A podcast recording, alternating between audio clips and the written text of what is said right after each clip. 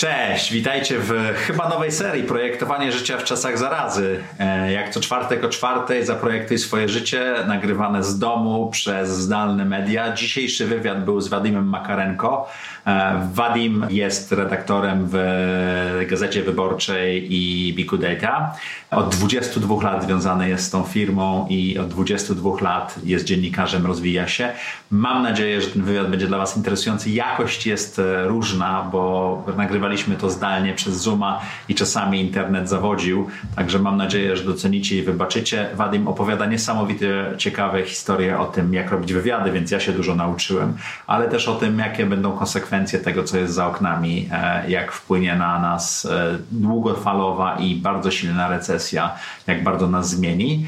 Zapraszam Was serdecznie. Krótszy odcinek w dużo gorszej jakości, myślę. Ja muszę popracować trochę nad sprzętem e, i sposobem nagrywania, ale mam nadzieję, że będzie to dla Was interesujące. Zapraszam. Zaprojektuj swoje życie. Zapraszam Was do mojej autorskiej audycji Zaprojektuj swoje życie. Przedstawiam osoby, które podjęły nietuzinkowe wyzwania życiowe i biznesowe. Rozmawiamy o tym, co nas napędza i dokąd zmierzamy. Historie opowiadane przez moich gości zainspirują Was do świadomego i odważnego projektowania swojego życia.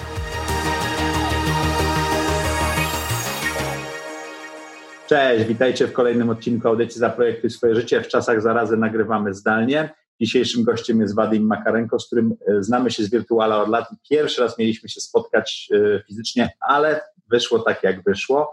Wadim e, robi tak dużo wywiadów, że ja byłem tak zestresowany przygotowując się do tego, że i kamera nie działała i wszystko. Także mam nadzieję, że jeżeli oglądacie to na YouTubie, czy na Spotify'u słuchacie, czy na iTunesie, to bardzo Was prosimy o komentarze, lajki i tego typu rzeczy. Wadimie, jak do tej pory wyglądało projektowanie Twojego życia? Dzień dobry, dzięki za zaproszenie do programu przede wszystkim.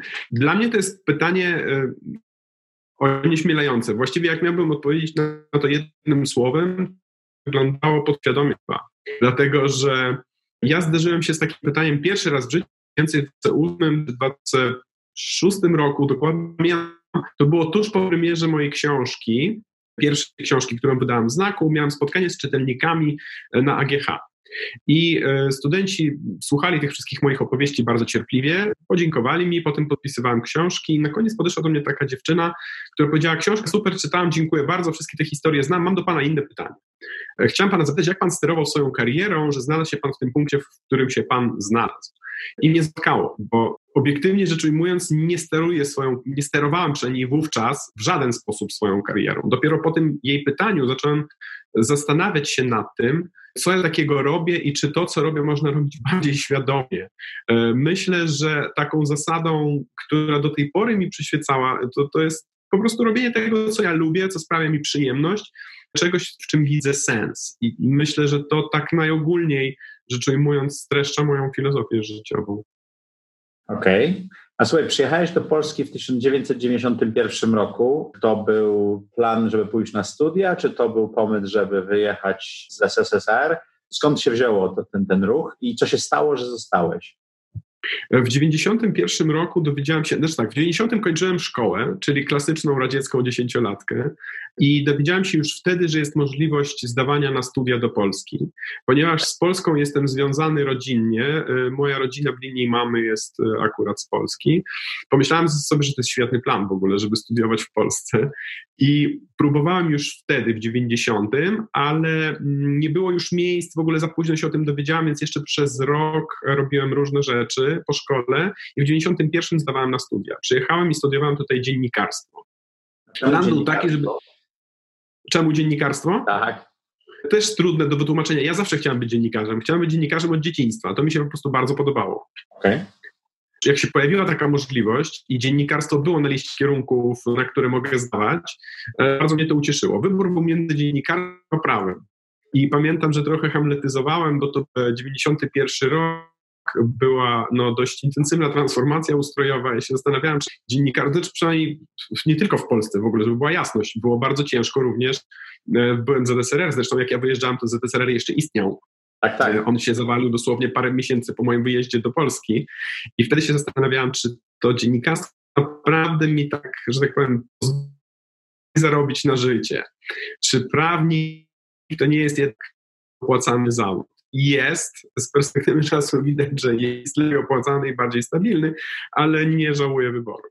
I powiedz, jakie miałeś wrażenia przyjeżdżając do Polski na początku transformacji, tak? To jeszcze, jeszcze był, już był teoretycznie demokratyczny kraj, ale jeszcze z tymi wszystkimi rzeczami, ale różnił się od Białorusi. Że mówiłeś, że dużo połączenie było, więc nie było pewnego zaskoczenia wielkiego, tak? To jest też o tyle specyficzna sytuacja, że ja przyjeżdżając do Polski byłem otoczony pewną bańką, bo byłem stypendystą polskiego rządu. Okay. Więc miałem bardzo przyzwoite stypendium, jak na owe czasy. E, miałem takie stypendium, no, jeśli chodzi o wysokość dochodu, to wykładowcy, bo pierwszy mój rok w Polsce spędziłem w studium języka polskiego dla cudzoziemców w Łodzi, z tego względu, że wybrałem sobie kierunek dziennikarstwo i takie były wtedy wytyczne, że każdy cudzoziemiec, który chce studiować dziennikarstwo, musi przez rok najpierw uczyć się polskiego w Łodzi. Mój polski był e, dużo lepszy niż w przypadku wielu innych moich kolegów, na przykład z Afryki, nie? ale spędziłem z nimi, z nimi ten rok w Łodzi i uważam to za bardzo pozytywne doświadczenie, ale o tym za moment.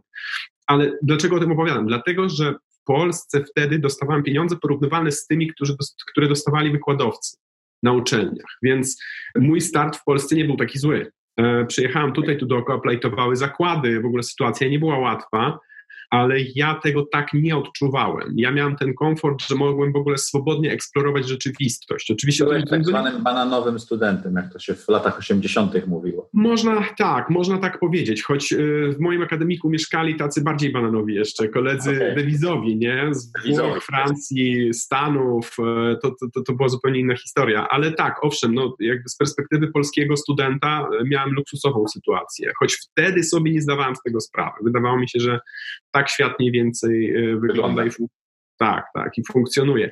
I, I, ja przez ten pierwszy rok miałem taką ogromną, no powiedziałbym, lekkość bytu. E, raz, że byłem dużo młodszy i wielu pytań sobie nie zadawałem. Dwa, że miałem zapewnione e, jakby utrzymanie przez, przez to stypendium.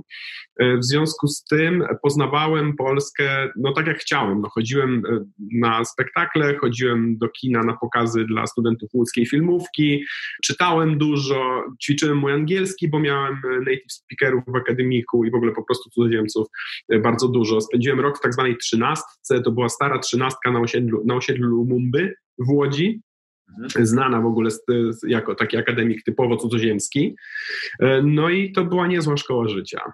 Jakieś takie wrażenia między Polską, którą widziałeś, a Białorusią, z której, czy też SSSR, z którego, Związku Radzieckiego, z którego wyjeżdżałeś, to były jakieś duże różnice, czy wtedy jeszcze to nie było aż tak odczuwalne dla Ciebie? Nie no, była wolność przede wszystkim. Okay, to była ogromna różnica. Tak?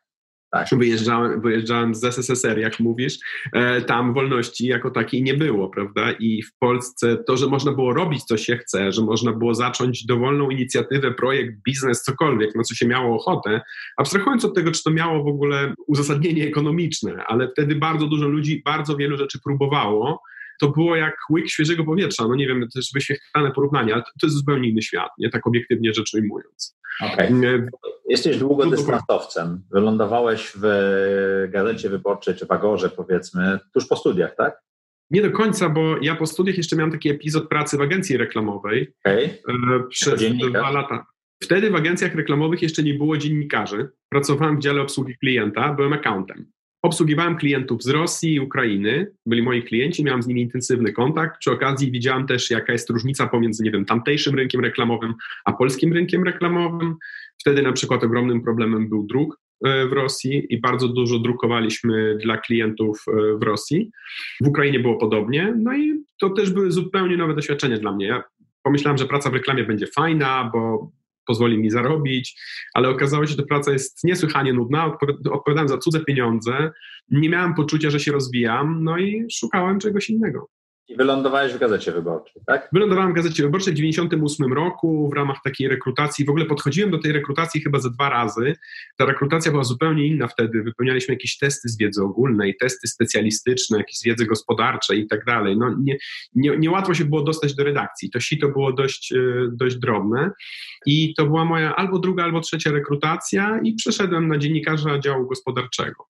No i to, co już mówiłem, jesteś dla mnie takim, podziwiam to, bo jesteś długodystansowcem, jesteś w tym, w tym samym fachu, w tej samej firmie z różnymi tam e, koniugacjami od 22 lat, tak? 20, w 98 zacząłem, no to będzie 21, 2, tak, 22 lata no, będę 22 już. dokładnie. Rocznikowo, nie wiem jak tam w Tak, tak. Wiesz co, no to tak rzeczywiście z boku wygląda, ale też moje losy w gazecie są bardzo specyficzne. To znaczy, ja zaczynałem w gazecie w ogóle stołecznej, przez pierwsze pół roku pracowałem, potem pracowałem w gospodarce i tam pracowałem w sumie najdłużej, bo do 2013 roku, od 90 do 14 lat spędziłem w dziale gospodarczym, po czym założyłem dział danych. Ten dział danych y, stał się dość dużą i znaczącą strukturą obecnie w redakcji. A czemu założyłeś Po czym, e, ten pomysł?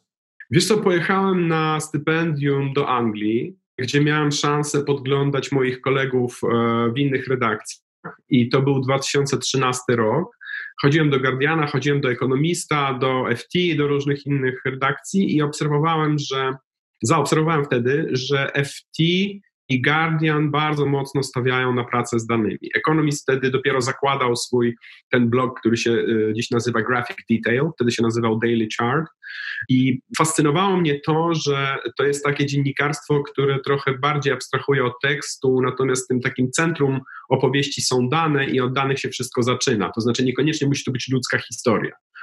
To było dla mnie nowe, świeże, ciekawe, poza tym też trzeba sobie jasno powiedzieć, że dziennikarstwo w Polsce jest przesiąknięte publicystyką i wydawało mi się, że e, dane pozwolą odejść od tej publicystyki. I to była pierwsza rzecz, którą, którą szefom zarekomendowałem po moim powrocie ze stypendium. I, e, Zróbmy coś tak takiego u nas. Data w tej chwili, tak? Tak, tak, to jest, to jest ta struktura. No to, to był 2014 rok. Szefowie na początku sceptycznie na to patrzyli, potem wprowadziliśmy paywall i się okazało, że musimy coś zupełnie nowego czytelnikowi zaoferować niż to, co było do tej pory. I big data okazało się być całkiem dobrym pomysłem, który nas bardzo mocno i wyróżniał na rynku na tle konkurencji, był czymś zupełnie świeżym dla czytelnika i był tą wartością dodaną, no bo większość y, projektów wyborczej to są projekty, które się wywodzą z papieru, prawda? To są w pewnym sensie sensie takie operacje e, legacy mediów. Natomiast Big Data była pierwszym serwisem, który był absolutnie taki digital native. Słuchaj, przygotowywałem się i strasznie się, jak już mówiłem, zestresowałem tą rozmową z tobą, bo zobaczyłem, jakimi nazwiskami ty możesz się pochwalić w swoich wywiadach. Tam jest Mike Penn, który był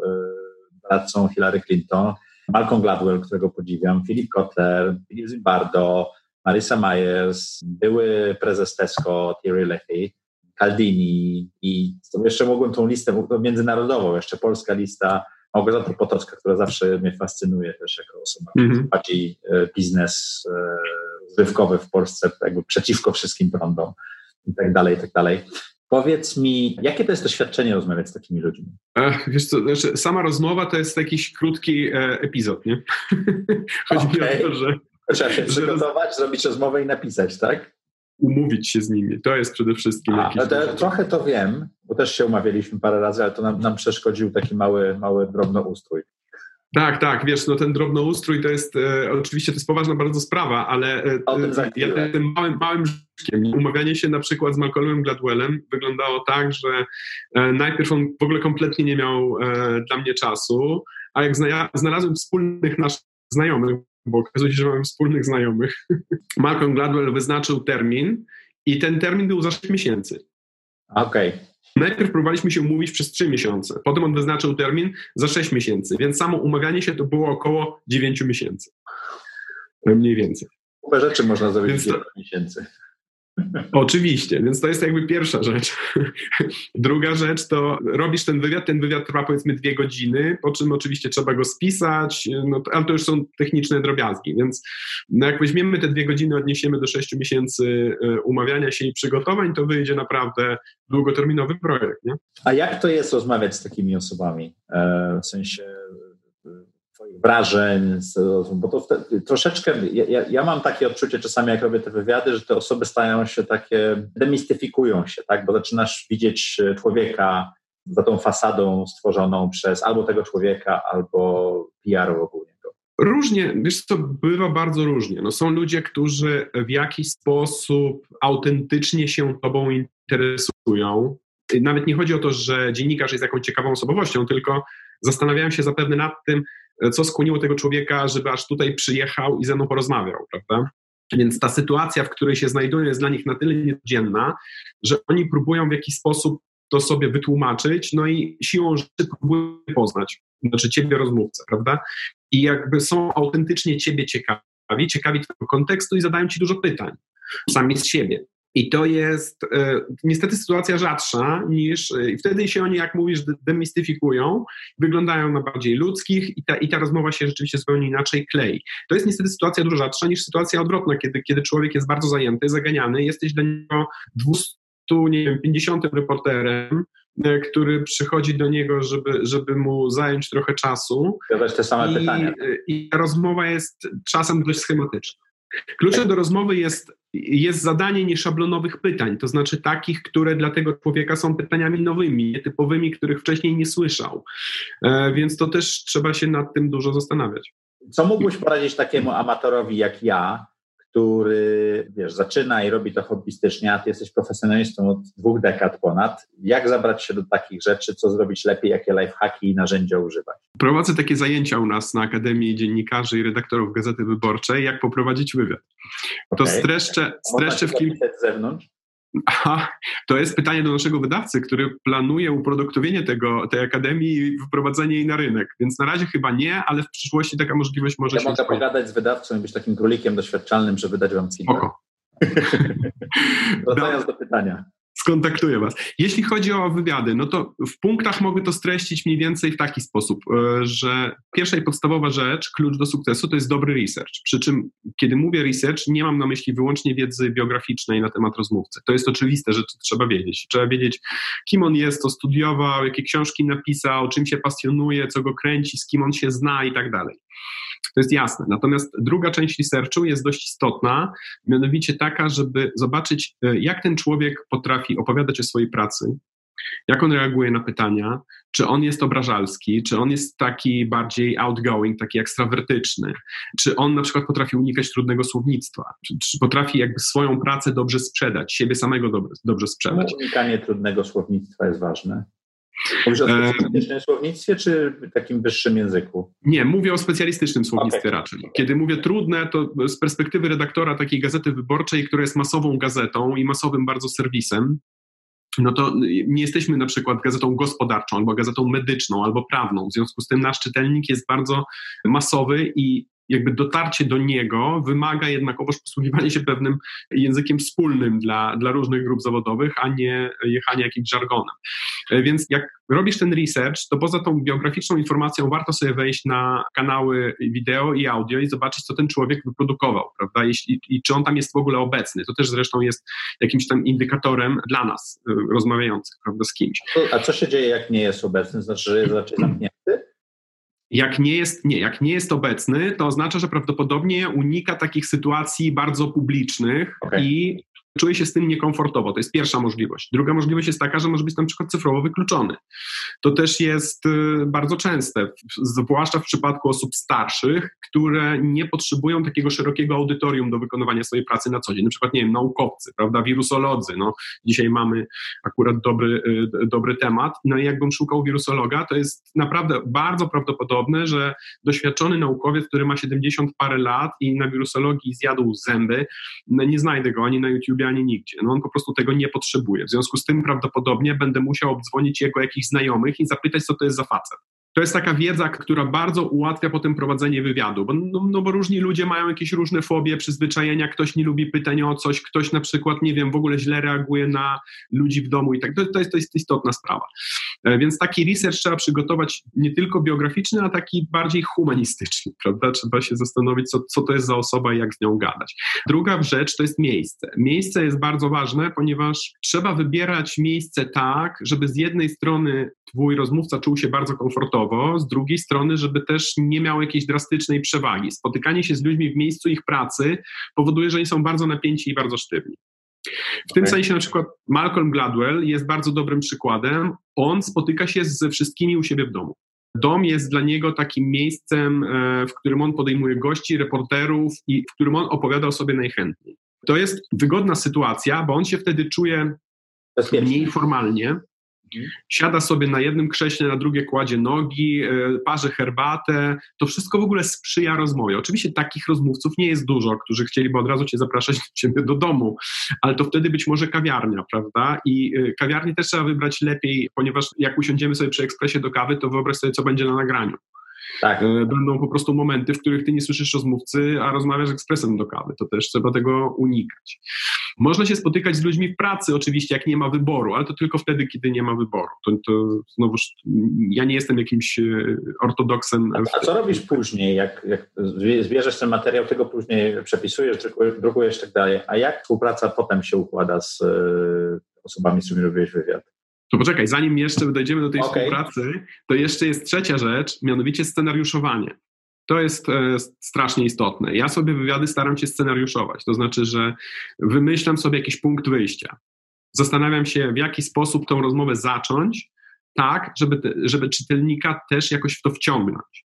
No i jak się spotykasz z kimś, kto nie jest zbyt medialną osobą, ale jest osobą ważną z jakiegoś względu i ty chcesz czytelnika przekonać o tym, że ta osoba, czytelnika, odbiorca, w ogóle nieważne, widza, że ta osoba jest ważna, no to być może warto zacząć od jakiegoś opisu jej miejsca pracy, prawda? No czasem, czasem takie zanurzenie, ponieważ ja operuję tekstem, a nie obrazem, no to dla mnie to zanurzenie jest jakąś kluczową rzeczą. Teraz rozmawiamy z tobą, ty widzisz jakieś moje tło, e, jak ja się prezentuję, więc jakby tu bardzo, bardzo dużo rzeczy już jest zbędnych na początku. Natomiast w tekście wywiadu, no to wszystko, co tutaj jest, wymaga jakiegoś opisu. E, na przykład, nie wiem, że podjął mnie u siebie w domu, w tle miał to i tamto, na nogach miał buty Nike, coś takiego, prawda? Żeby, żeby człowiek ten człowiek staje się osobą, tak? Taką... E, tak, tak. Wtedy, wtedy twój rozmówca staje się osobą, wtedy go trochę demistyfikujesz rzeczywiście, pokazujesz, że to jest, że to jest po prostu normalny facet albo normalna kobieta, e, która no, w jakiś sposób zamierza coś opowiedzieć, tak? To, to nie jest obcowanie ze światowym autorytetem, który zaraz ci objawi jakąś ważną prawdę, nie? E, to, to oczywiście może nastąpić, ale lepiej, gdyby, gdyby odbiorca miał takie poczucie, że to jest normalna rozmowa.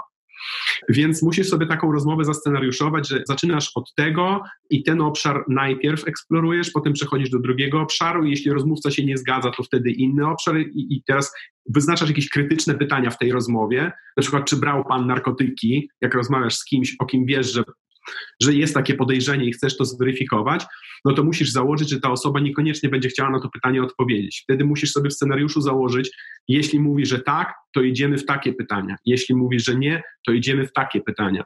Ja rozumiem, że zawodowcy, którzy tych wywiadów zrobili milion, to już mają to na poziomie zupełnie bezwarunkowego odruchu przyswojone. Ale też muszą się przygotowywać, prawda? Tak, ale też muszą się przygotować. Ja, ja natomiast zawsze staram się przygotować bardziej. No i kolejna kwestia to jest też język. To jest tak jak miejsce rozmowy, prawda? Jeśli, e, znaczy ważne jest to, żeby nie mieć tej, e, tego disadvantage, tak, w języku. Znaczy język trzeba znać dobrze, jak chcesz zrobić dobry wywiad. Kiedy Język mówię... Natywny osoby, z którą robisz wywiad, czyli w twoim wypadku polski, angielski, rosyjski pewno. Tak, tak, tak, znaczy to jest, to jest bardzo istotne. To znaczy nie, nie, nie wziąłbym się za wywiad w języku, który znam słabo. To mogłaby być rozmowa informacyjna, to znaczy umownie Wyobrażam sobie, że gdybym słabo znał niemiecki, to bym zadzwonił do analityka od epidemii, porozmawiać z nim, ale to nie byłby wywiad, tylko jakby wziąłbym informacje i następnie te informacje bym streścił, ale to nie byłaby pobranie, rozmowa... Pobranie informacji. No i jak już sobie jakby wyznaczymy te zasady dotyczące miejsca, języka, scenariuszowania i researchu, no to wtedy idziemy na rozmowę i rozmawiamy. No i wtedy trzeba też bardzo uważać na rozmówcę, bo czasem rozmówca stawia ci granice w sposób jakiś taki, czasem bardzo dobitny i widoczny, a czasem w sposób niewidoczny. Więc moja zasada jest taka, żeby spoglądać owszem w notatki, ale ja nie notuję, ja nagrywam. E, ponieważ jeżeli ja zaczynam notować, to bardzo wiele reakcji rozmówcy umyka mogę zrobić notatkę jakąś y, symboliczną, tak, że wątek, do którego trzeba wrócić, bach, i tyle. Natomiast to nie jest tak, że rozmówca, rozmówca mówi, a ja sobie po prostu spisuję konspekt na bieżąco tej naszej rozmowy. To uważam za zachowanie dość absurdalne, choć wielu reporterom takie notatki uratowały wywiad, kiedy się okazało, że dyktafon nie działa na przykład. Tak? No i nie mówię teraz o wideo, tylko... A ty nagrywasz na jednym dyktafonie, czy na kilku? Nagrywam na jednym dyktafonie. Jak do tej pory zdarzyły mi się w całej mojej bogatej historii zawodowej tylko dwie sytuacje, w których wywiad się nie nagrał. Okej, okay, to nie jest tak. Jakoś z techniką, z, techniką jestem dość na bieżąco. Ja się ja, ja mam wyszły bardzo podobne wrażenia dotyczące notatek i tak dalej, bo jak robisz wywiad na wideo, to ja w nim jestem, a mhm. dopiero jak go oglądam przed edycją, taki e, pierwszy cut, to dopiero zauważam, co się działo, bo ja staram się tak bardzo skupić na rozmówcy, że nie zwracam mhm. uwagę czasami na e, pewne rzeczy, na treść rozmowy w sensie takim, jak to się układa. Bardzo chcę te reakcje właśnie zrobić. Tak. No ale to jest istotne. trzymając się scenariusza, jak ty to nazywasz, tak. pytania, bo ja tu mam z tyłu ekran, z którego ściągę mam. Mhm. Napisałeś i wydałeś książki. Dwie, mhm. tak? Jakie to, jest, jakie to jest przedsięwzięcie? Bo ja się zabieram do tego w tej chwili, przygotowuję, nawet zacząłem już tam konspekty i takie rzeczy pisać i muszę powiedzieć, że idzie mi to jak krew z nosa. No wiesz, no dla reportera pisanie książki e, jest czymś innym niż praca dotychczasowa, bo wydawałoby się, że no co tam, piszemy i piszemy, prawda? Czy piszemy artykuły, czy książki, to drugorzędne.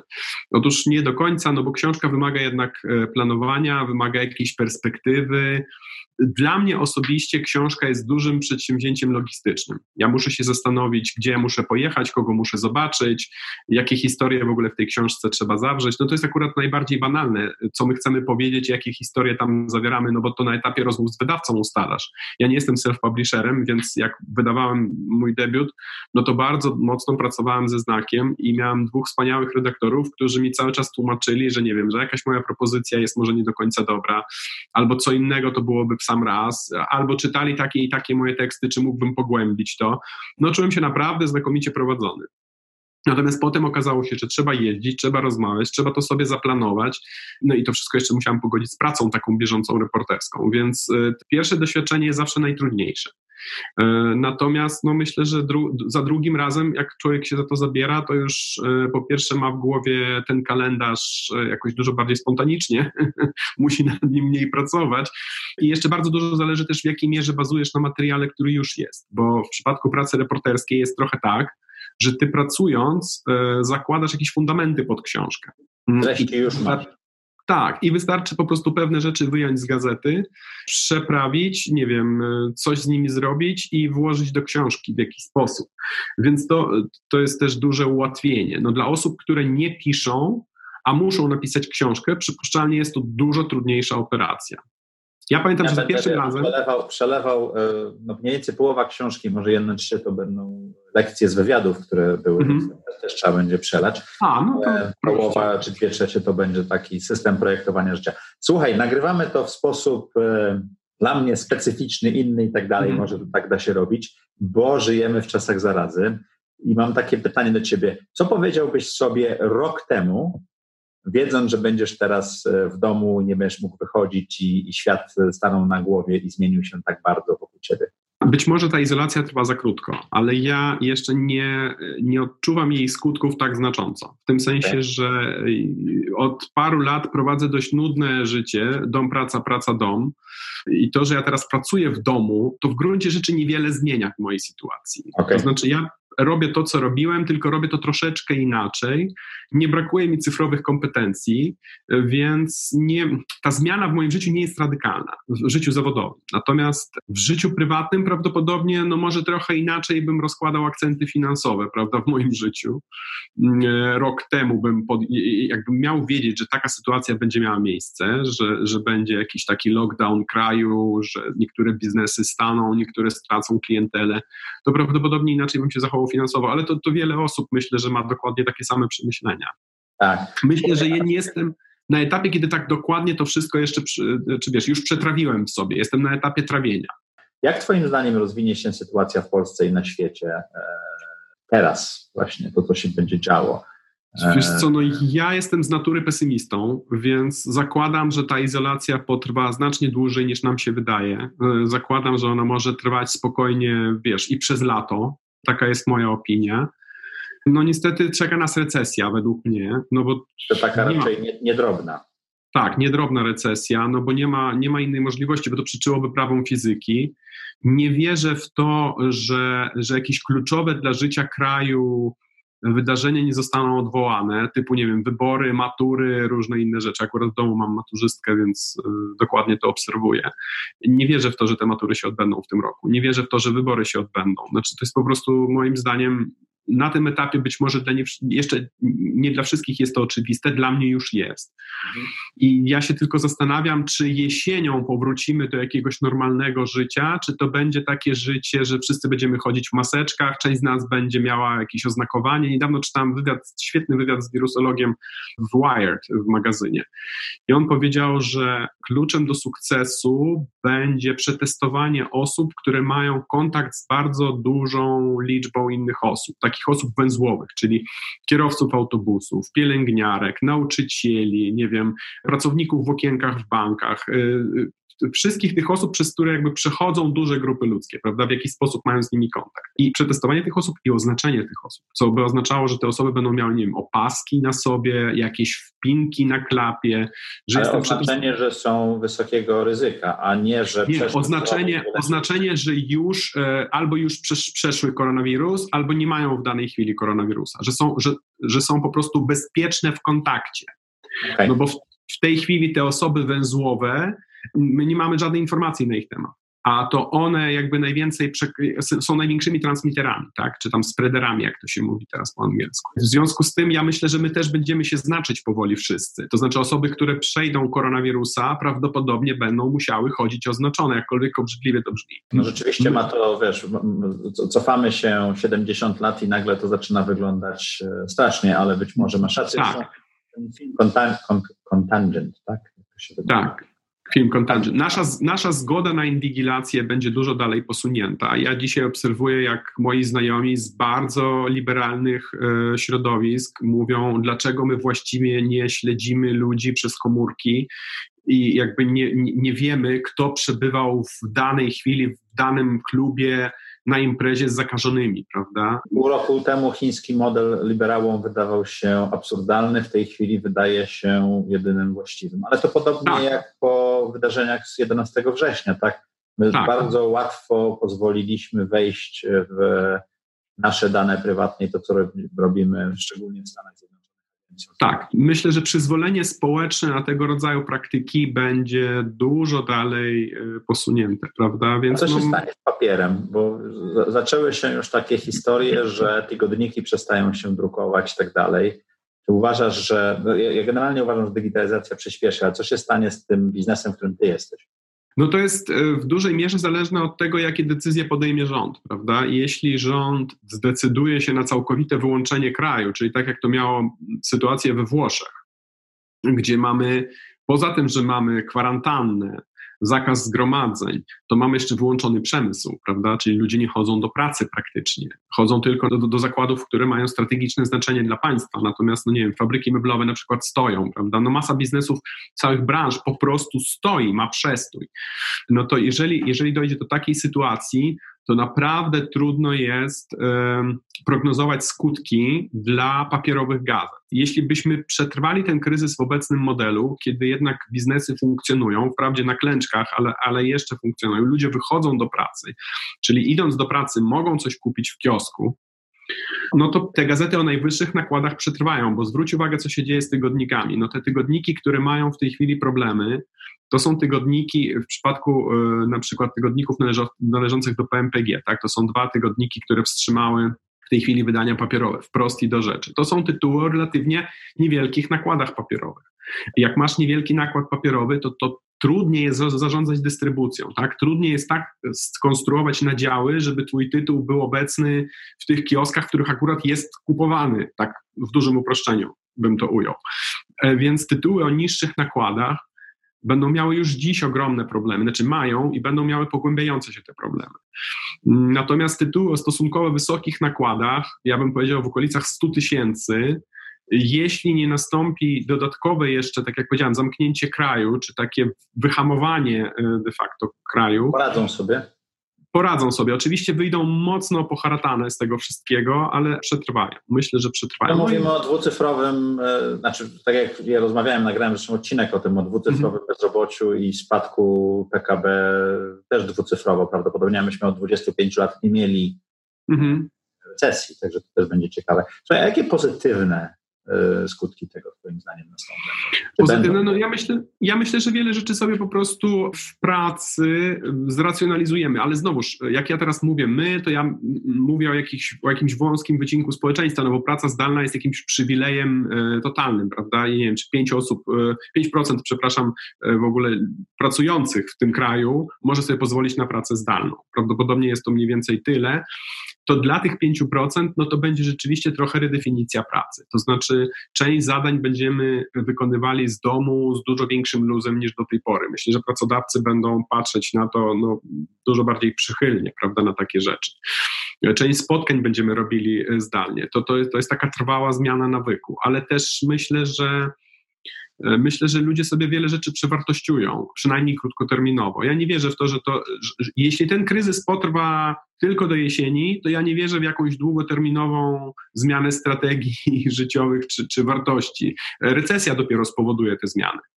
Czyli Natomiast skutki drugorzędne, czy tam wtórne tak, tak, tak. miało większy wpływ na nas. Tak, ja wierzę w to, że głęboka recesja, y, która nastąpi po epidemii, jakby dźwiganie się tej gospodarki z, z dołka, to w większym stopniu wpłynie na nasze postawy niż sam wirus. No bo teraz to jest, to jest sytuacja totalnie ekstremalna. To znaczy, my myślę, że wielu z nas ma taki model, że walczy w tej chwili o przetrwanie.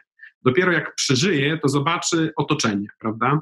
To jest trochę. Prawda. Znaczy ja, ja to porównuję do krachu z 11 września, czy do krachu na giełdzie z mhm. 29 roku, przy czym społecznie to to bardziej jest 9-11, że będą takie zmiany, zezwolenie i to, co mówiliśmy, ale ekonomicznie przecież recesja, czy też wielka depresja lat 30. skończyła się tak naprawdę wojną i dopiero po wojnie wychodzenie z tego był 25 rok, plan Marszala i tak dalej i tak. w 60 latach dopiero było czuć czy tam koniec lat 50., że, że się z tego wychodzi tak, na świecie. Tak, ja osobiście dużo bardziej boję się recesji niż epidemii. To znaczy, wierzę w to, że z epidemii wyjdziemy w jakiś sposób. Zresztą też takie czytam rozmowy z ekspertami, że gdzieś prawdopodobnie najdalej w połowie przyszłego roku dostaniemy szczepionkę. No zaszczepimy się wszyscy, oczywiście nie od razu, tylko zajmie to ileś jeszcze czasu. Natomiast no potem zaczniemy dopiero się zastanawiać, jak się odbudować z tego wszystkiego, prawda? I... Pytanie, czy wirus nie zmutuje i tak dalej, ale tu już wchodzimy w futurologię science fiction. Science fiction. Wadimie, y, goście audycji Zaprojektuj swoje życie dostają taką serię powtarzających się pytań. Chciałem parę Ci zadać. Czy możesz opisać najlepszą decyzję, jaką podjąłeś w życiu? Myślę, że założenie rodziny z osobą, z którą jestem. No to nawet nie ma co pytać, dlaczego to jest tak oczywiste. A co nadaje Ci najwięcej satysfakcji czy energii w życiu? To, że praca, którą wykonuję, ma dla ludzi sens. To czuję dopiero, znaczy nie dopiero, przepraszam, szczególnie czuję to dziś. Czyli to, że jesteś w stanie przekazać te informacje i, i, i, Tak, to, że jestem w stanie zgromadzić jakieś informacje, znaczy kiedy ja mówię ja, no to mam na myśli przede wszystkim mój zespół oczywiście, no bo, bo to robi zespół, ale to że, to, że ta struktura, którą tworzyłem w gazecie działa, i, i, jakby jej praca cieszy się popularnością, e, cieszy się odzewem, to naprawdę sprawia mi ogromną satysfakcję. Czy jest coś, co mógłbyś przestać teraz robić? Co poprawiłoby Twoje samopoczucie albo spowodowało Twój rozwój? To musiałbym, chyba muszę przestać się zamartwiać w jakiś sposób, bardziej się skupić na tu i teraz. Okay. Ale to, to tak na szybko. W czasach zarazy to jest trudne chyba. To jest trudne. A jaką masz supermoc? Chyba nie mam żadnych, przepraszam. Nie, no nie wierzę. No po, po, podrążymy trochę, słuchaj, ale czy jest coś takiego, jak robisz, to czujesz się z tym naprawdę świetnie i dobrze ci wychodzi i rzadko, rzadko kto coś takiego robi tak dobrze jak ty. Nie wiem, no chyba, chyba jednak patrzenie, e, patrzenie w dłuższej perspektywie. No, sam nazwałeś mnie długodystansowcem. Ja o tym nie myślę na co dzień, ale to chyba tak jest, że jest jakaś zdolność budowania długofalowych strategii, tylko że robienie tego kompletnie bez namysłu. No, tak mi się wydaje. Znaczy, to jest jakaś świadomie, z jakimś takim e, wiesz, intencją, ale nie planem, tak? Tak, tak, tak. Seth Godin powiedział, że osoby, którymi się otaczamy, tworzą taką krąg, z którego jesteśmy w stanie ładować się, czerpiać, wymieniać się opiniami i uczyć. Jakie ty masz Power Five, te pięć osób? No, na, na pewno moja rodzina to 100%, to są dwie osoby już. A trzy os e, pozostałe osoby, no to ja, ja w ogóle nie mam problemu z, z, rozpoczęciem tej listy. Ja się zastanawiam nad tym, że jakbym miał wymienić trzy kolejne, to musiałbym skrzywdzić 33 inne, prawda? Jest kilka osób, które są dla mnie szalenie, szalenie ważne. No nie wiem. Masz wiele, taką... czyli masz wiele kręgów takich, które tam przeskakujesz z jednego kręgu na drugi, zależnie od tego, czego szukasz? Tak, moja, moja książka kontaktów w telefonie to jest ponad 3000 osób wow. tej chwili. Oczywiście to jest. Wszystkie osoby odbiorą, jak zadzwonisz, albo oddzwonią? Myślę, że tak. Niektóre mogą mnie nie pamiętać, bo z niektórymi mam kontakt nieodnowiony od co najmniej pięciu lat, myślę. Nie, przepraszam, od, od siedmiu, od siedmiu. Bo myślę, że taką cezurą w moim życiu był 2013 rok, kiedy byłem na stypendium w Anglii, więc e, z wieloma osobami od tamtej pory nie, nie zdołałem odnowić kontaktu, bo po powrocie zacząłem się, zająłem się czymś zupełnie innym ale większość osób myślę, że odbierze i zdecydowana większość. Myślę, że jakieś 2000, 2500 tysiąca odbiorą i, i oddzwonią. Takie obszerne Power 5 powiedziałbym. Ale Aster Papazian, z którym kiedyś pracowałem, ma, ma tam, nauczył mnie takiego powiedzenia dotyczącego networku, że network to są tak naprawdę dwa słowa. Net i work, czyli jedno to jest posiadać tą sieć, a drugą pracować, odnawiać, y, uaktualniać. To prawda. To prawda, ja mam, ja mam wśród moich znajomych takiego e, jednego prawdziwego networkera, to jest Paweł Dudek, który kiedyś był prezesem Warsu, teraz jest gdzieś na Bałkanach, pracuje, natomiast no on, on kiedyś miał taki fantastyczny wykład o tym, jak się buduje i prowadzi network. I zrobił taki test, i ten test chyba jest, ja już nie pamiętam z ilu pytań on się składał, z dziesięciu bodaj. To gdzieś na poziomie szóstego albo siódmego pytania słuchacze zaczęli rozumieć, że jednak networkerami nie są, a pozostałe trzy pytania absolutnie nas przekonały, że nie jesteśmy networkerami. A to ja muszę jestem... Pawła zaprosić w takim razie. Tak, tak, ja myślę, że on potrafi o tym bardzo ciekawie opowiadać. E, że jak pozytywnie odpowiesz chyba na, twierdząco odpowiesz na 6 z 10 pytań, to oznacza, że jesteś niezły, ale tak naprawdę dopiero zaczynasz. Aha. Wiesz co, ja, ja, nie buduję, ja nie buduję sieci świadomie, to znaczy ja mogę odnawiać kontakty i przełączać się na inne zupełnie kręgi znajomych, w zależności od potrzeb i mam takie poczucie, że, że inni mnie traktują podobnie, prawda, że są jakieś potrzeby zawodowe, to po prostu do mnie dzwonią. Natomiast w takim bliskim, bliskim kręgu, no to mam raczej przyjaciół e, spoza pracy. To może być szalone pytanie w czasach zarazy, ale opisz trzy rzeczy, które chciałbyś robić za trzy lata. Nie wiem, czy powinienem się tym w ogóle dzielić. No to teraz już musisz nam opowiedzieć.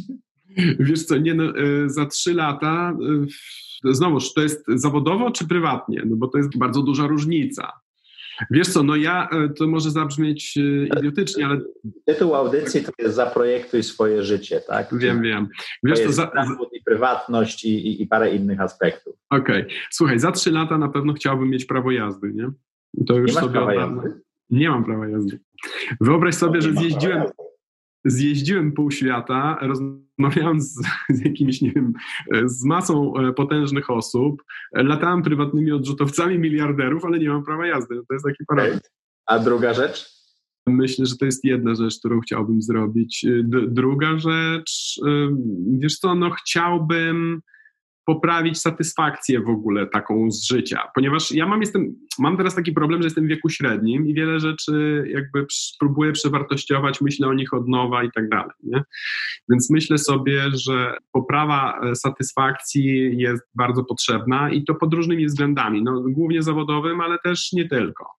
Jeśli mogę coś polecić, bo ja tak. jestem 4 lata od ciebie starszy, to 23 odcinek audycji, kiedy ja, moje urodzinowe solo, kiedy mówię o wartościach i tej przemianie, bardzo chciałbym Ci polecić, bo myślę, że warto spojrzeć. Tam jest dużo pytań zadanych. Tam nie jest mhm. taka autobiograficzna rozmowa, tylko jest e, to zrobione w ten sposób, że ja zadaję dużo pytań wokół siebie.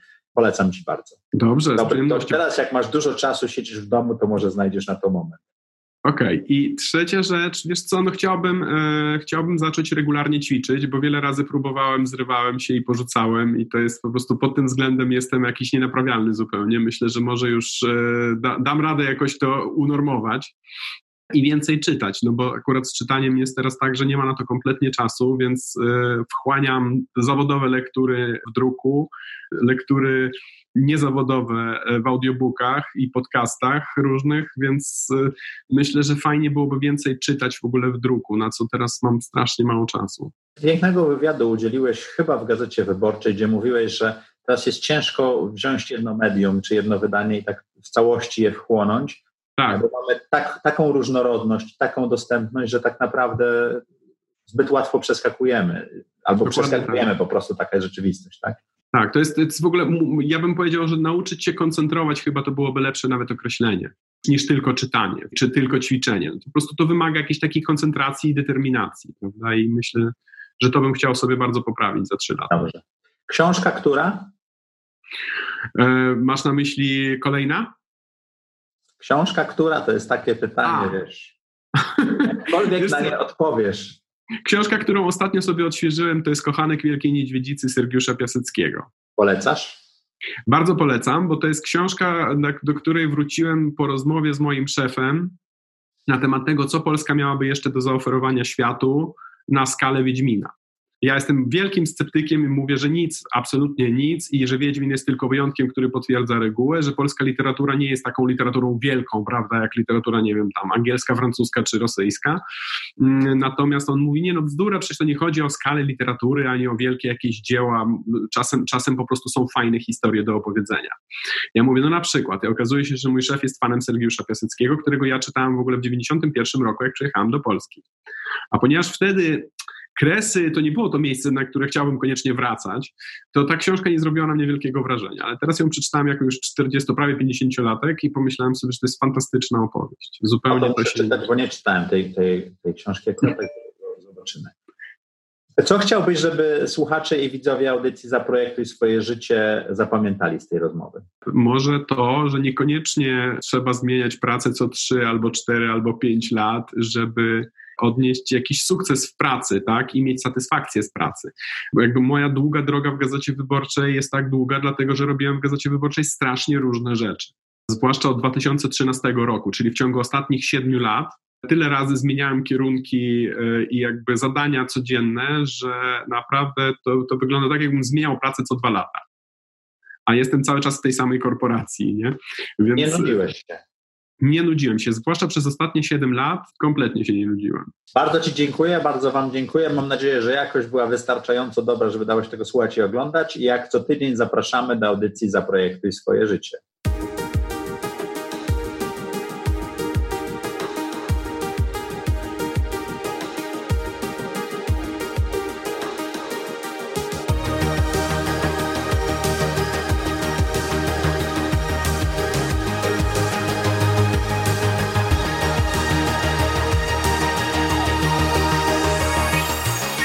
Zaprojektuj swoje życie.